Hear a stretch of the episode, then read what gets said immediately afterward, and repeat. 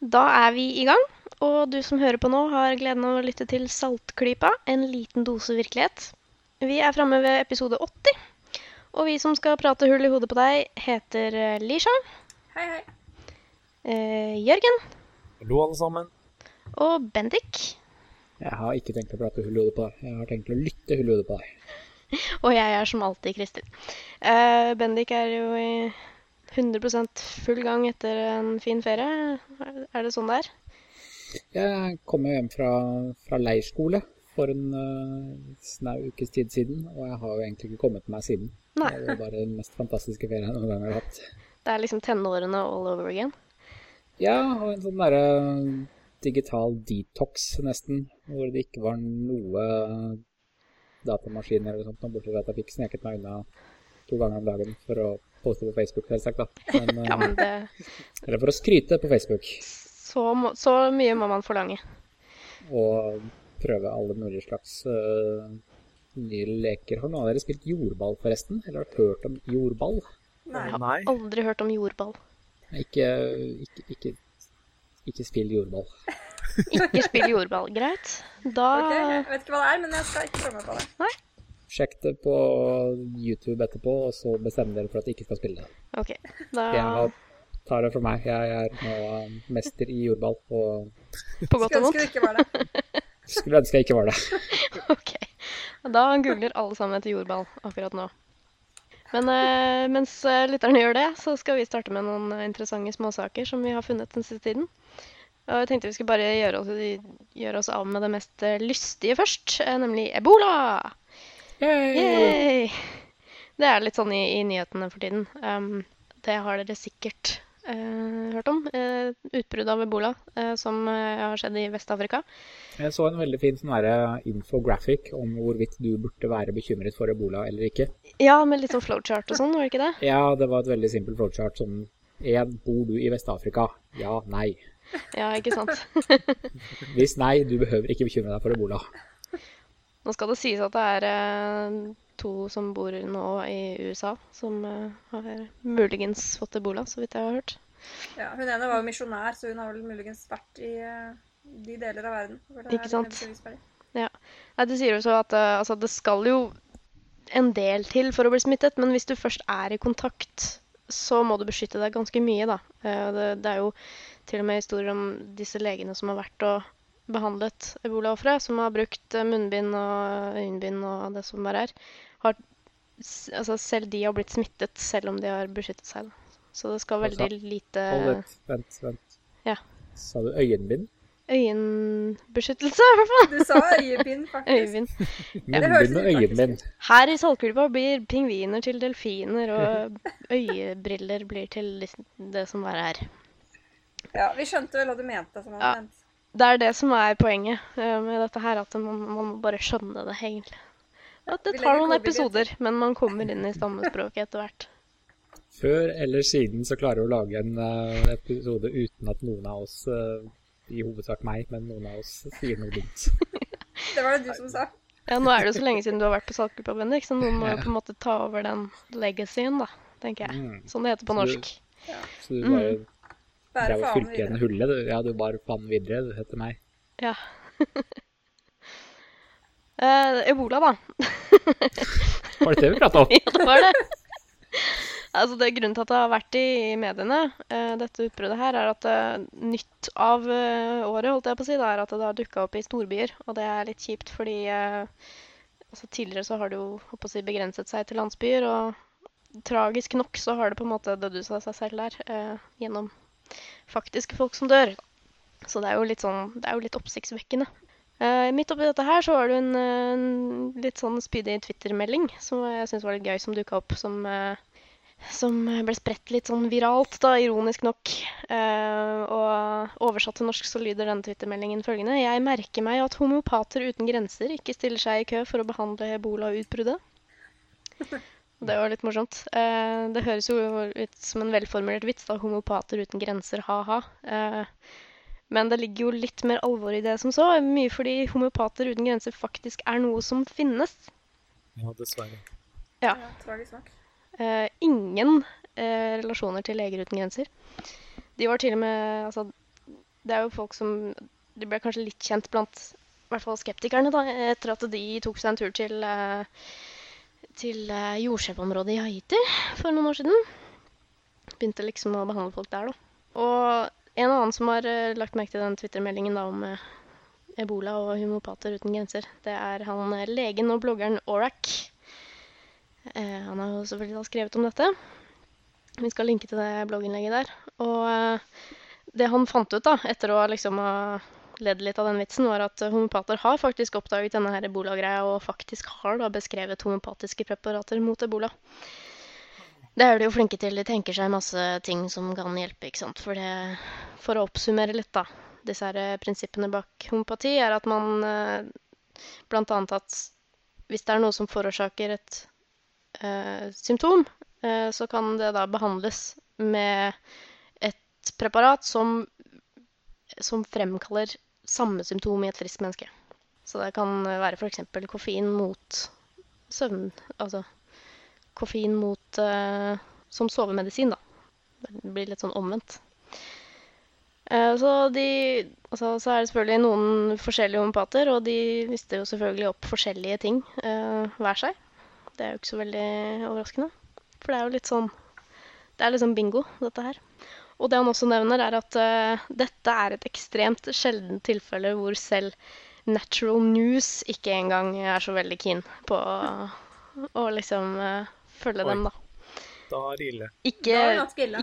ikke helt, i hvert fall. Altså, det sier jo ikke så veldig mye egentlig, fordi han Mike Adams da, i Natural News, selv om han bekymrer seg for ebolasmitte, så har jo ikke han problemer på den annen side med å samtidig drive med sånn germ theory-benektelse og sånn. Så det er litt hva, hva er det han egentlig tenker her?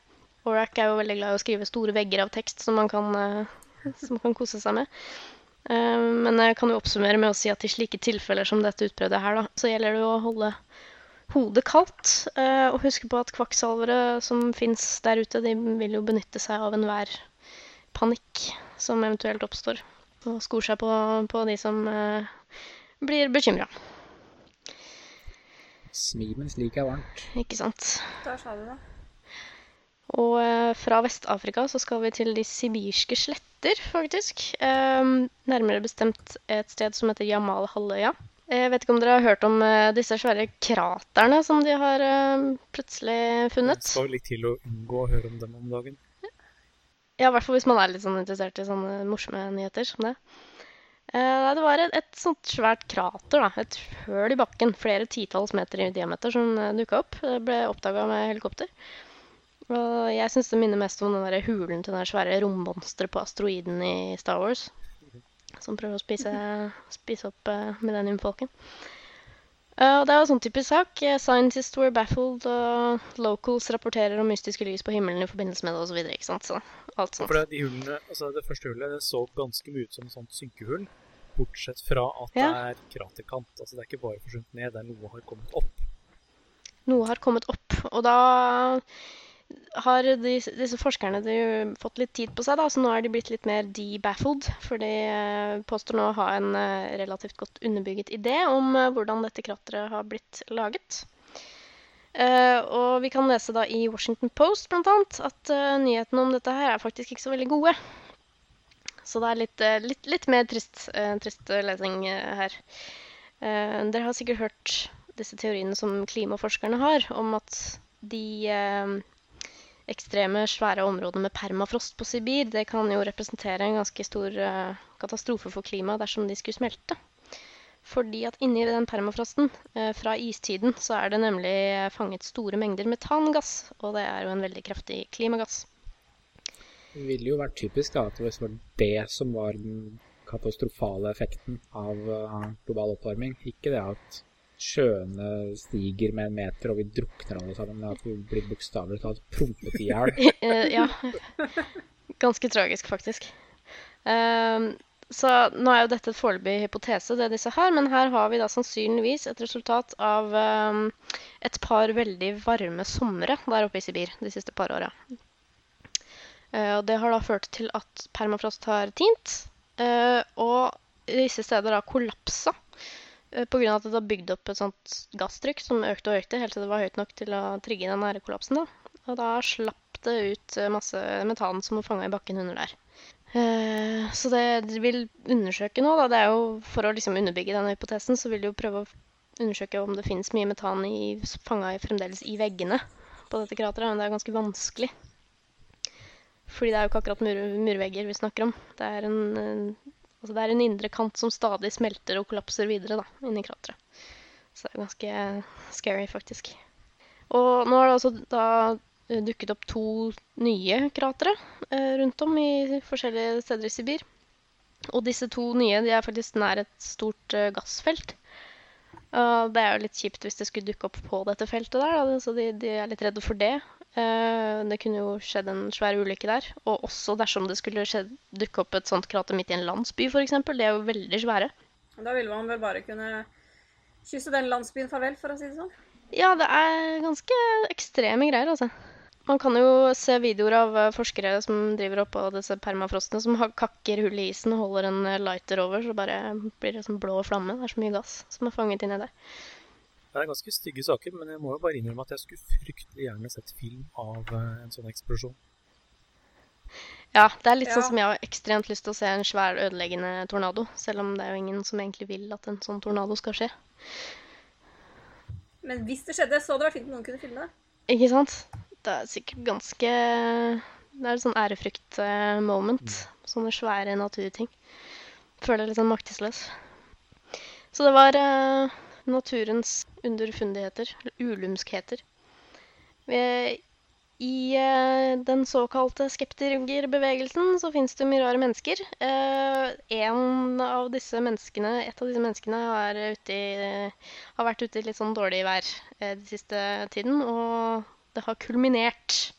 Hvem er det vi snakker om da? Vi har den godeste Brian Dunning, som også er kjent som Skeptoid. Som er en podkast som eh, har gått en god stund, og som veldig mange henviser til, fordi han tar sak for sak av korte episoder som er veldig saklige, og tar opp eh, en haug med myter.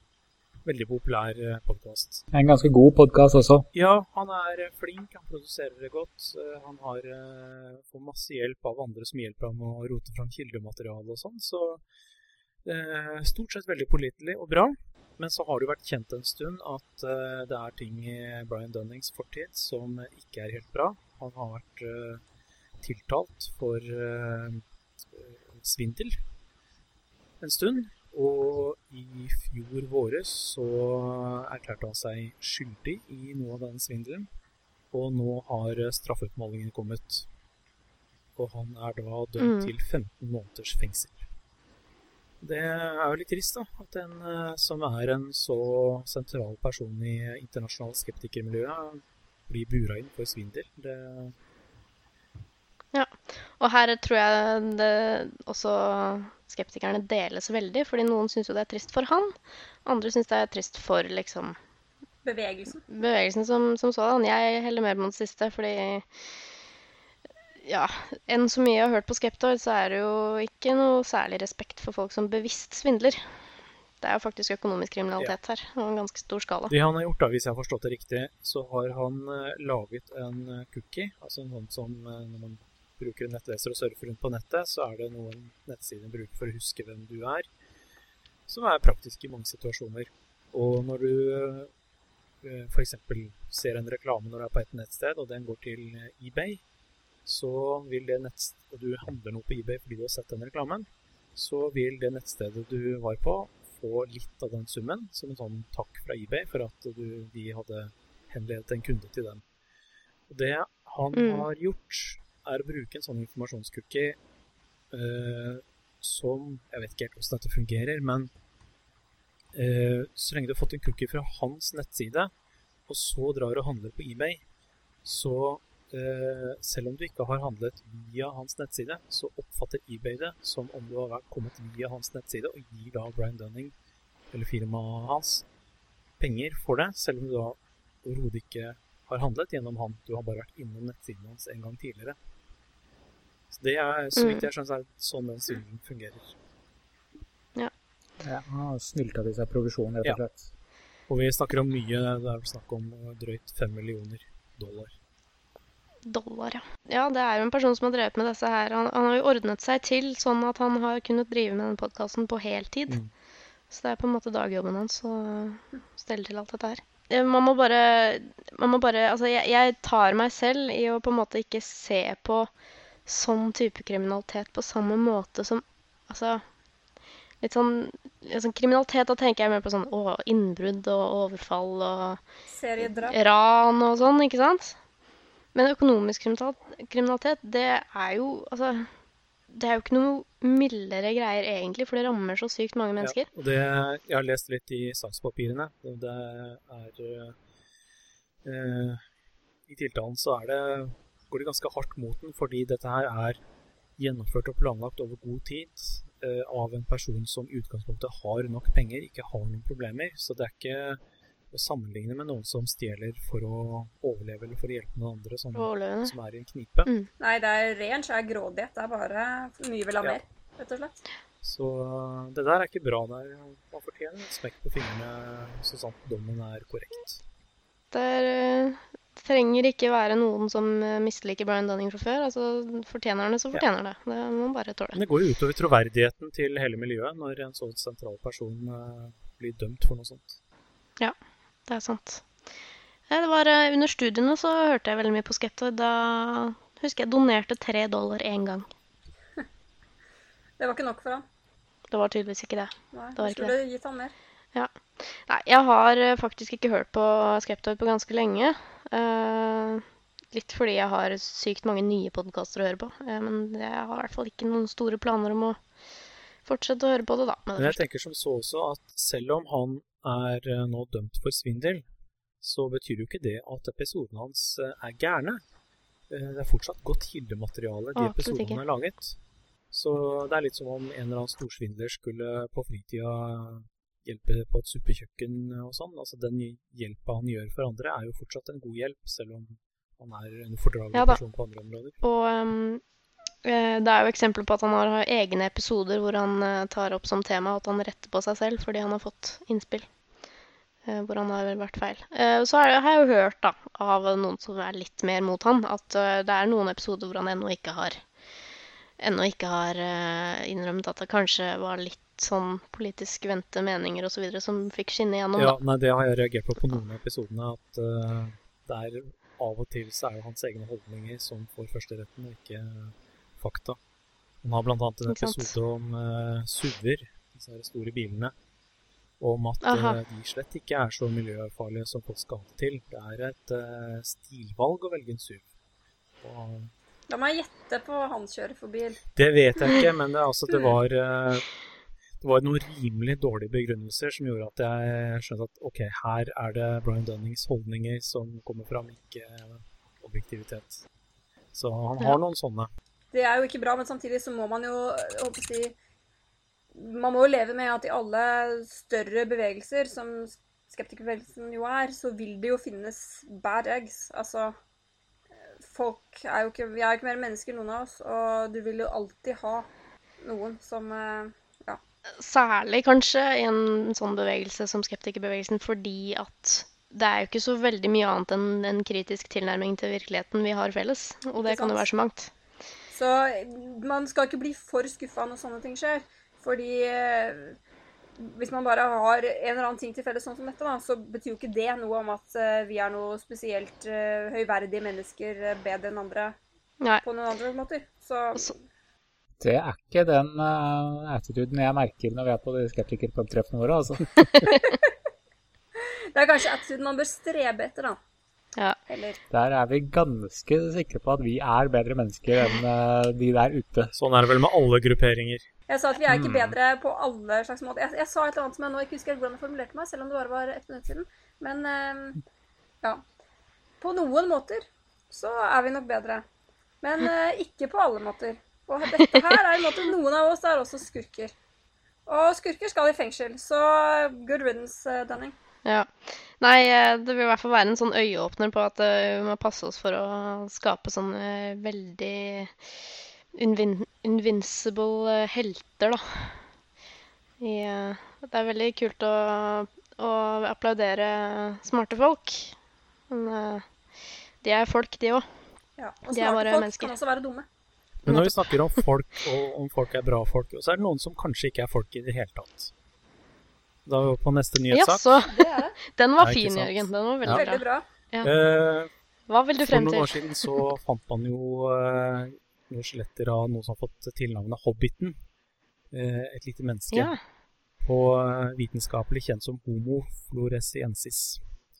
Eh, som da er veldig interessant fossil av veldig lite menneske. Som man da mener er en ny art.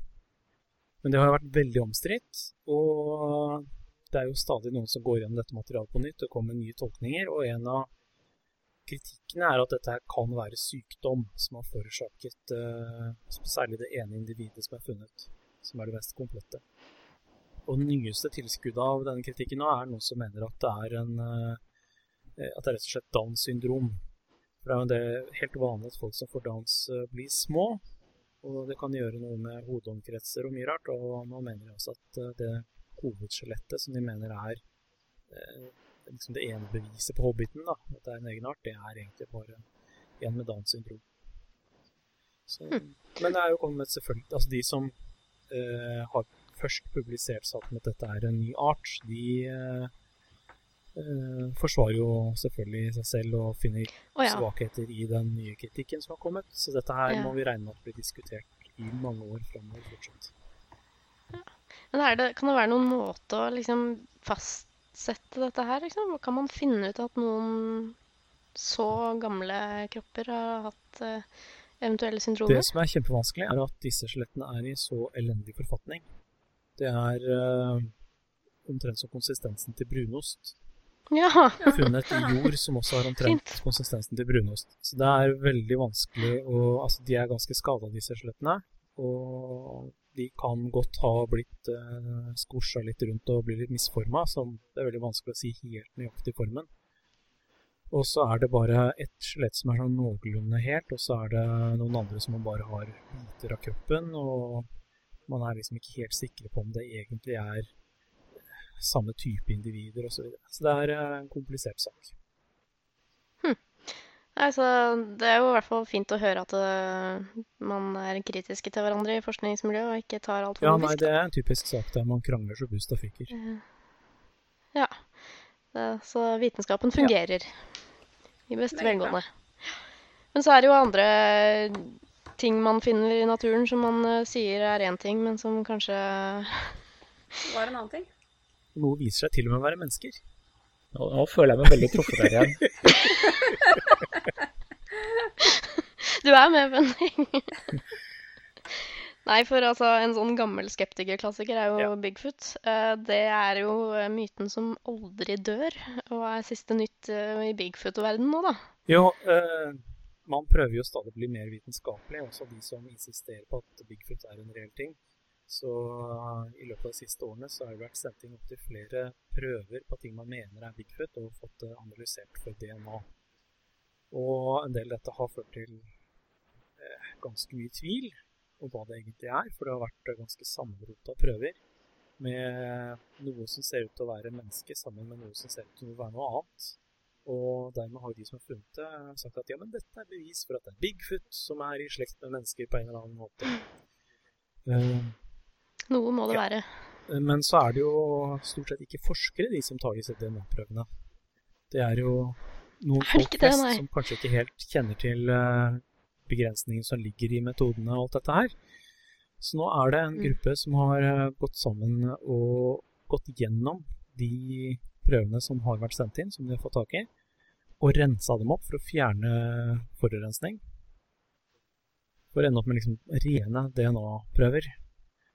Så de har faktisk tatt seg bryet med å en gang for alle ta disse Bigfoot-fantastene på Ja. alvor, altså. Ja, Sånn de har faktisk tatt dem på alvor. Um, Ja. Og da har de funnet en god del kjente dyr. Uh, de har funnet bjørn. Uh, mennesker har de som nevnt funnet. Uh, noen hunder og noe greier. Ehm, egentlig alt det man kunne forvente å finne ut i skauen. Ja. Ja. Pluss et par prøver som de ikke sånn... har sånn- klart å få noe fornuftig ut av. da. Nei, riktig. Så ikke noe ukjent DNA med det første, altså. Nei. Nei, det er jo eh, også en, en sånn veldig eh, rødt flagg da, i disse, den derre Bigfoot-jakten. Det er jo at man aldri finner Bigfoot-bæsj. Det burde jo være masse. I hvert fall en slags konsentrert sted hvor, man, hvor de kanskje, hvis de er litt sånn de er litt renslige seg, da kanskje gå på noe ett sted, så ville de kanskje funnet liksom De graver det sikkert ned, og så Den Etterlatenskaper, da, i hvert fall, tenker jeg. Ja, nei, det, det er snodig. Det er alltid liksom én eller to bigfooter som bor i en skog, og så skjønner de ikke helt hvordan de kan holde, holde seg når de bare er én eller to. Og så har de aldri bæsja noe sted. Så er det jo det der, det er litt interessant også med at det er, må jo være så veldig få av dem. Det er som du sier, én eller to. Men for at en populasjon av et eller annet dyr skal være levedyktig, så må det være mer enn to, altså. Bitte lite grann mer enn to. Det må faktisk være betydelig mer enn to. Ja, det må egentlig være et sånt kjempestor uh, dal, en sånn skjult dal, hvor alle Ja. disse her lever, da, tydeligvis, som ikke vi har oppdaget ennå. Eller et fjell. Ja. For det går ikke an å bare ha liksom to, og så lever de tiår etter tiår etter tiår. Det, Mm, Ikke sant. det er ikke helt sånn dyreverden fungerer. fungerer. Med mindre Bigfoot er eh, en eh, overnaturlig vesen, da, selvfølgelig. Ikke bare en eh, Ja, En det er jo cryptid. også mange som mener. Ja, selvsagt. Det er jo alltid en mulighet. Ja, alltid en mulighet om, om en homopatisk liten. Nei, vi vet ikke om vi venter i spenning på flere slike analyser. For min del Bigfoot er alltid gøy å lese om det, men for min del så er jeg jo ikke sånn veldig tro på at vi kommer noe særlig lenger enn at Bigfoot sannsynligvis ikke fins i det hele tatt, i hvert fall. Sånn educated guess. Um, jeg hørte, Lisha, at du har en liten historie til oss. Ja, jeg hadde det. Og egentlig så tenkte jeg at det ikke var så mye å diskutere, men faktisk så, jo mer jeg tenker på det, jo flere interessante sider er det ved denne saken. Eh, for den har Hvis den var så, så bra som man trodde, da, så, eller som, man, som virker, så ville det vært helt fantastisk. Men det, er, det ligger litt mer bak. Det er eh, forskningsresultater som har vært utarbeidet over en tidsperiode, som nå har blitt replikert av en ny person. Og da har det kommet liksom til folk flests oppmerksomhet. Fordi hun som har replikert det, hun er bare tolv år. Aha. Eh, hun eh, bor i Florida sammen med foreldrene sine, som er eh, forskere begge to. Og hun har sikkert blitt litt påvirket hjemmefra. Eh, så når hun skulle ha på amerikanske skoler, de har jo sine berømmelige science fairs, hvor elevene Ja. presenterer et eller annet naturfagsprosjekt. Og når hun skulle finne hva hun skulle lage da til skoleåret som var over nå før sommeren, så kom hun på, etter å ha sett hun vil jo sikkert i hvert fall selv, men hun kom på det. Men det er nok faren hennes som har styrt henne borti dette her, for han har vært involvert i noe av den forskningen tidligere. Eh, hun skulle se på dragefisk, som dessverre har dukket opp i Florida. Eh, dragefisk, har sikkert sett eh, disse fiskene med ofte gjerne fine farger. De er stripete, og de har lange sånne spiler. Ja. Ja. De er ganske giftige, er de ikke det? De er ekstremt giftige. Eh, de, ja, de er utrolig vakre, og derfor så er de veldig populære å ha i saltvannsakvarier. Men Aha. samtidig så er de vanskelige å, vanskelig å ta vare på, og de er vanvittig farlige. Mm. Og derfor så er det langt ifra alle som skaffer seg dem, som klarer å ta vare på dem. Så de blir dessverre altfor ofte sluppet ut i det fri da, i et eller annet misforstått forsøk på å um, gi dem en sjanse. Mm. Uh, ja. Uh, og de hører jo til i Det indiske havet og i Stillehavet, men pga. dette her, da, at man slipper dem fri, så er de nå også vest i Atlanterhavet, de er i Mexicogolfen, de er i Karibiske hav, de er i Middelhavet. Eh, og de reproduserer seg noe helt grådig fort. I ett år så kan en hund av disse, det finnes vel ni arter, hun kan legge så mange som to millioner egg. Ja. Eh, og de spiser jo alt de ser, særlig i områder hvor, de, eh, hvor det er korallrev. Så spiser de dyr som er nødvendige i biosfæren her for å holde korallrevet sunt. Eh, og spiser selvfølgelig egg og unger av disse dyrene. Eh, så det er virkelig ikke bra å få det inn eh, der hvor de gjerne ikke har noen naturlige rovdyr som tar dem heller. Mm. Eh, og denne jenta, Lauren Arrington, 12 år, hun fanget seg noen sånne fisker. Hun ville undersøke hva slags forhold de må ha for å leve. Eh, og hypotesen hennes var at de trenger et visst saltinnhold i vannet for å kunne leve. For det er jo saltvannsfisk, dette her. Havfisk. Mm. Og der hvor hun fanget dem, så er det, det er, Havet kommer inn der, da. Så det er normal havsaltinnhold 35 tusendeler. Eh, og hun eh, observerte dem da, og se hvordan de spiste, og, de virket stresset, mens hun gradvis senket saltinnholdet i vannet. Og hun trodde, eller det vil si, hun og hennes far, vil jeg anta, eh, regnet med at siden eh, skal man tro da, at siden de kommer fra havet, så kunne de ikke klare seg hvis saltinnholdet skulle gå under 13 000 deler. Men hun gikk ned til 13, og de fiskene de merket ikke engang. Yes. Så hun fortsatte, og når hun var nede til 6000 deler, så klarte de seg fortsatt. Så det viser jo da at de kan faktisk leve i ferskvann. Såpass, ja. Um, hun kunne ikke gå noe lenger ned, fordi hvis du dreper forsøksdyren dine, så blir du diskvalifisert på Aha. Science Fair. Mm. Du kan torturere dem, men ikke drepe dem. Ja, tydeligvis. Um, og han som da er en bekjent av hennes far, som har forsket på dette tidligere, han har ikke fått det så langt ned som 6000 heller, så har, han fikk det til 8, og hun fikk det til 6. Så hun har faktisk gjort noe nytt, da. Um, og noen forskere ved universitetet i Florida og også North Carolina, de har fått det ned til fem. Og fem tusendeler salt, det er jo faktisk ferskvann. Yes. Og man har ikke lett etter disse dyrene noe særlig i ferskvann før nå. Um, man har bare trodd at det er havfisk, og derfor så lever de i saltvann. Og ferskvann, der trenger man ikke bekymre seg så mye. Men nå har denne forskningen vist at man skal nok bekymre seg likevel. Ja, ikke sant? Uh, og dette var altså delstaten Florida, og de har nå endret på regelverket sitt, slik at uh, fra og med 1. august, altså forrige fredag, så er det nå forbudt å importere disse fiskene levende inn i delstaten. Og man, de har utvidet fiskeområdene, eller man fisker ikke etter dem, man spidder dem. Eh, og man begynner også å lete etter dem da, i områder hvor man an har antatt tidligere at de ikke kunne være sånn man ikke har lett etter dem. For i Florida så driver man jo en del med fiskeoppdrett eh, i ferskvann også, og det Der er disse virkelig en trussel, for der finnes det ingen naturlige rovdyr som tar dem. Um, så han da, som har gjort dette tidligere, han, eh, han har forsket på det, og det er også da altså Florida-universitetet og eh, Florida International Universitetet og delstatsuniversitetet i North Carolina har replikert dette her. Og Lauren hun er da sitert og kreditert, tolv år gammel. Eh, Selvfølgelig, Og hun, fikk faktisk tredjeplass eh, i sjetteklassens eh, science fair. Så jeg lurer litt på hva det var som var eh, Hva som var, var vinnerbidraget der? Ja. Uh, Jeg vil gjette på Men- at vinnerbidraget var kald fusjon, og andreplass uh... Var bevis for Bigfoot. Ja, ikke sant. Uh, nei, så det, det her det ser, høres ut som en utrolig bra story, bare at tolvåringen fant på dette helt selv. Det gjorde hun nok ikke, for som sagt så kjenner faren hennes til dette her, i og med denne eh, studenten i Florida som har sett på dette tidligere. Men Lauren fikk det altså enda lavere saltinnhold. Uh, og jeg syns det er helt fantastisk at en tolvåring engasjerer seg i sånne ting. Det er klart hun er litt eh, miljøskadd, da, siden foreldrene hennes eh, eh, også driver med dette. Men det er virkelig det er sånne ting uh, man trenger, mener jeg. At yeah. man begynner tidlig, og man ser at man faktisk kan lære nye ting, finne ny kunnskap. Og det er klart også denne vinklingen med at en tolvåring gjorde det på et par uker til eh, Science Fair, det er mye mer medievennlig da, enn at denne graduate student-fyren holdt på i off and on i et par år.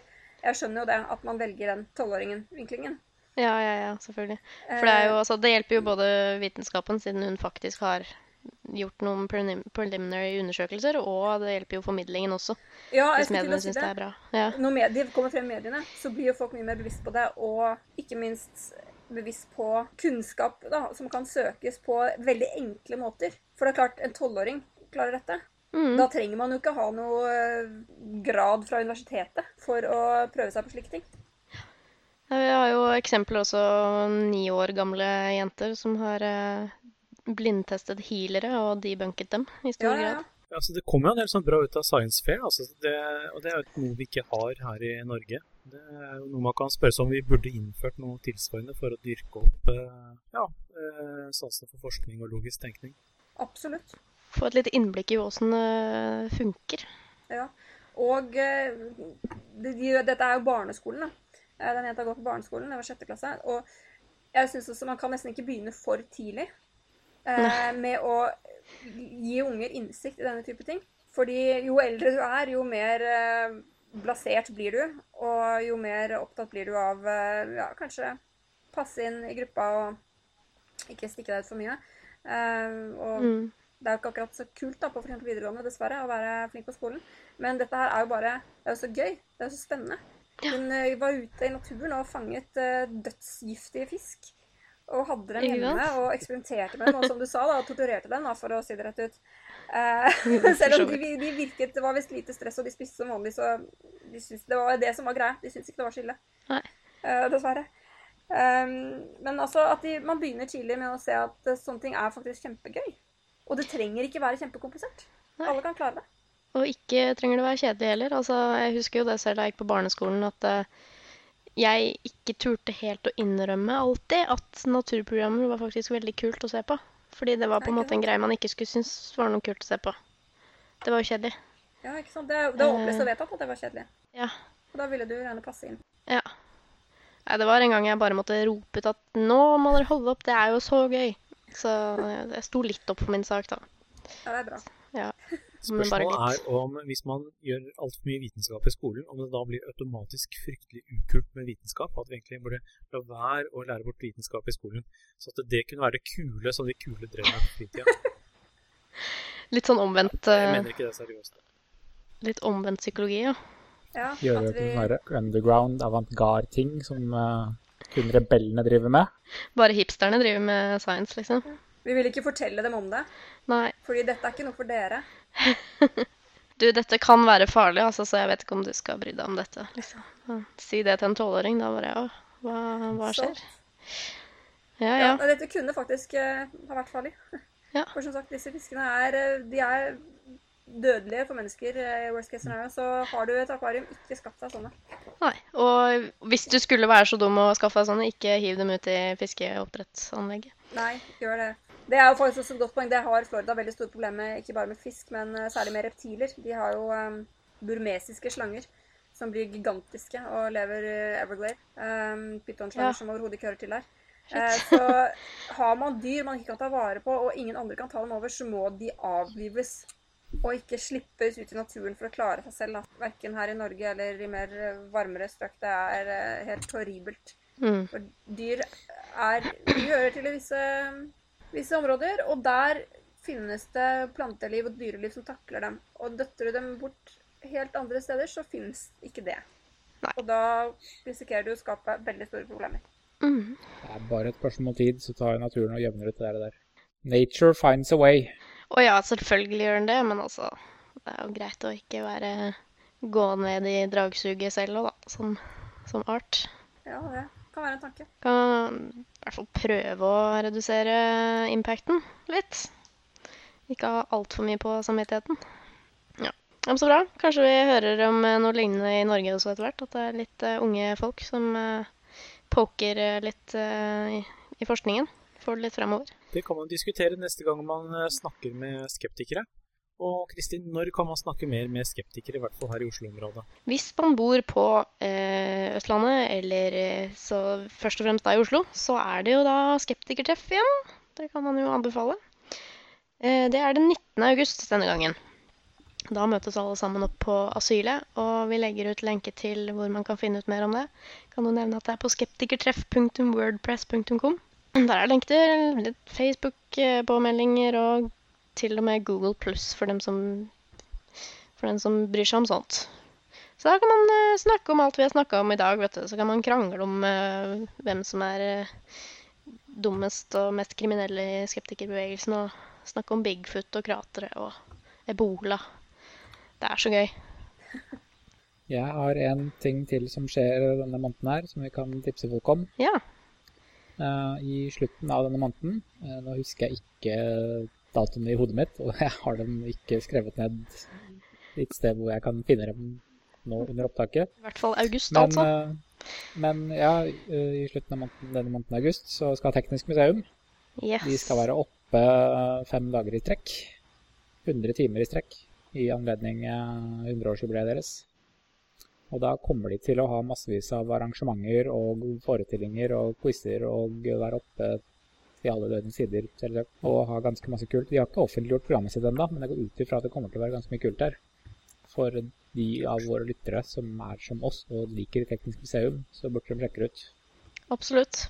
Definitivt. Mhm. Nå er jo vi litt sånn Oslo-biased her, siden vi alle bor her. Eh, men eh, det er klart, hvis dere vil høre litt mer om ting som skjer andre kanter av landet, så er det jo ikke noe i veien for at dere liksom tipser oss oss om om det, da. Ja, fortell oss om det hvis du får nyss om noe, eller eh, hvis en du kjenner får nyss om noe, så bare send det videre.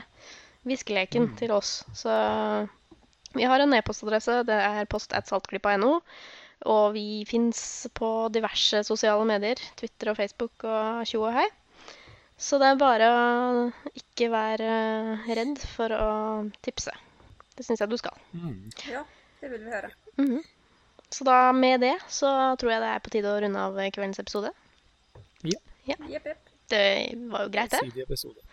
En ganske Snakke om litt av hvert, faktisk. Ja. Og Da tror jeg vi eh, slutter, og så snakkes vi igjen om en liten stund. Ha det. Ha det bra. Ha det, ha det. Ha det, ha det.